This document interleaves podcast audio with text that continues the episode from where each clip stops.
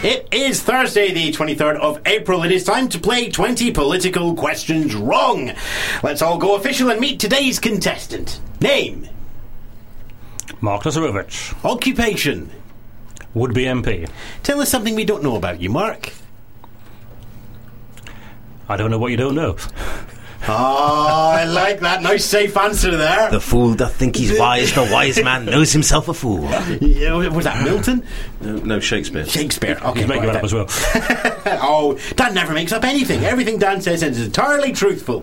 Right then. Anyway, Mark, uh, you, we're going to give you two and a half minutes on the clock to get 20 questions wrong in a row. I'm going to ask you a series of multiple choice questions. All you have to do is give me the wrong answer, and then we'll move on to the next question.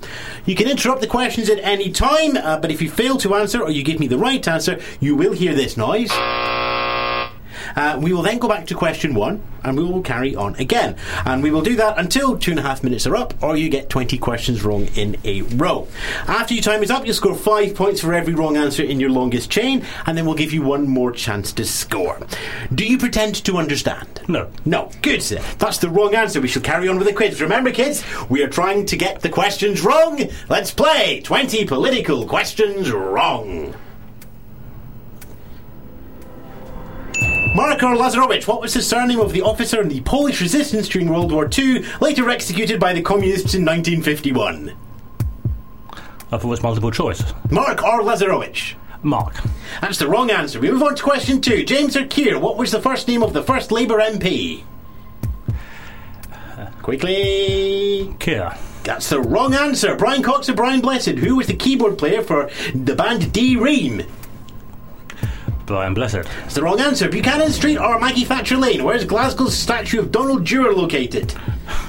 Maggie Thatcher Lane. McLeish or McConnell, who served longer as First Minister? McLeish. 16 or 1600, what was the population of Leith, North Dakota in the 2010 census? 1600. That's the wrong answer. Henry Jackson Society or the Jeanette Rankin Society? Which foreign policy think tank is Jim Murphy a member? Janet Rankin. Vegetarian and teetotaler, red meat feasting booze hound. Damn, that's a classic. Which is Jim Murphy? Not the vegetarian, anyway. Should we let him away? No, I think he has to say it. He has to say it, right? Okay, so that was there's a pause there, so we'll go back to question one. Marko Lazarowicz, what was the surname of the officer in the Polish resistance during World War II, later executed by the communists in 1951? Mark. James O'Keir, what was the first name of the first Labour MP? Keir. Brian Cox or Brian Blessed, who was a keyboard player for D Ream? Brian Blessed. Buchanan Street or Maggie Thatcher Lane, whereas Glasgow's statue of Donald Dewar? Uh, Maggie Thatcher Lane. McLeish or McConnell, who served longer as First Minister? McLeish. 16 or 1600, what was the population of Leaf, North Dakota, according to the 2010 census? 1600. You can interrupt me, don't worry about that, that's fine. The Henry Jackson Society, the Jeanette Rankin Society, which foreign policy think tank is Jim Murphy a member of? Janet Rankin. Vegetarian and teetotaler, red meat feasting boot hound, which is Jim Murphy? He's a vegetarian. We're not going to get past that question, We're not I think. going you, are, you certainly are not. you know. okay, we'll give you a buy on that one. Question nine. Chancellor of the Duchy of Lancaster or Minister without portfolio, what office did Oswald Mosley hold in the 1929 government? Chancellor Duchy of Lancaster. He did, yes. Back to question one. Marko Lazarowicz, what was the surname of the officer in the Polish resistance during World War II, later executed by the communists in 1951? Mark. James O'Keir, what was the first name of the first Labour MP? Keir. Brian Cox or Brian Blessed, who was the keyboard player for the keyboards in the band D Rain? Brian Blessed. Buchanan Street or Maggie Thatcher Lane, where is Glasgow's statue of Donald Dewar located? Maggie We Thatcher are Lane. Out of time there. We got down to question. We got down to question eight there because he played his political joker, which, to be fair, Dan, Yeah, uh, you can't candidate- actually get away with calling with calling Jim Murphy a red meat feasting booze hound because you know that clip would end up on the internet.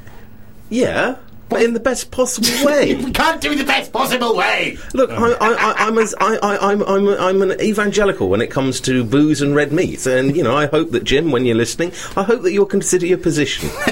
Well, we're going to say that you got that question wrong, Mark. Okay. Oh dear. uh, which gives us eight questions in a row and uh, wrong in a row and 40 points. Uh, so we have a chance now to double that score. Your 40 points are safe. That puts you on the leaderboard in third place of all the candidates in the constituency. But we're going to go from the top of the questions now right down to question 20. If you can get all the way down to the bottom and get 19 of them wrong and play your joker on one of them, then we'll double your score to 80 points, which would put you in second place. One question right, game over. Ready? Mm-hmm. Question one. Marko Lazarowicz, what was his surname of the officer in the Polish resistance during World War II, later executed by the communists in 1951? Lazarevich. That was his surname, yes. I'm not sure. I'm not sure how tactical that one was, but there we go. Forty points scored by Mark Lazarowicz there in twenty political questions wrong. You'll be able to listen to that again, uh, and of course uh, the quiz from all the other constituency candidates uh, back on our website embernights.thepodcastcorner.com, uh, and also uh, you can listen to the rest of the candidates take part there go next week. do do do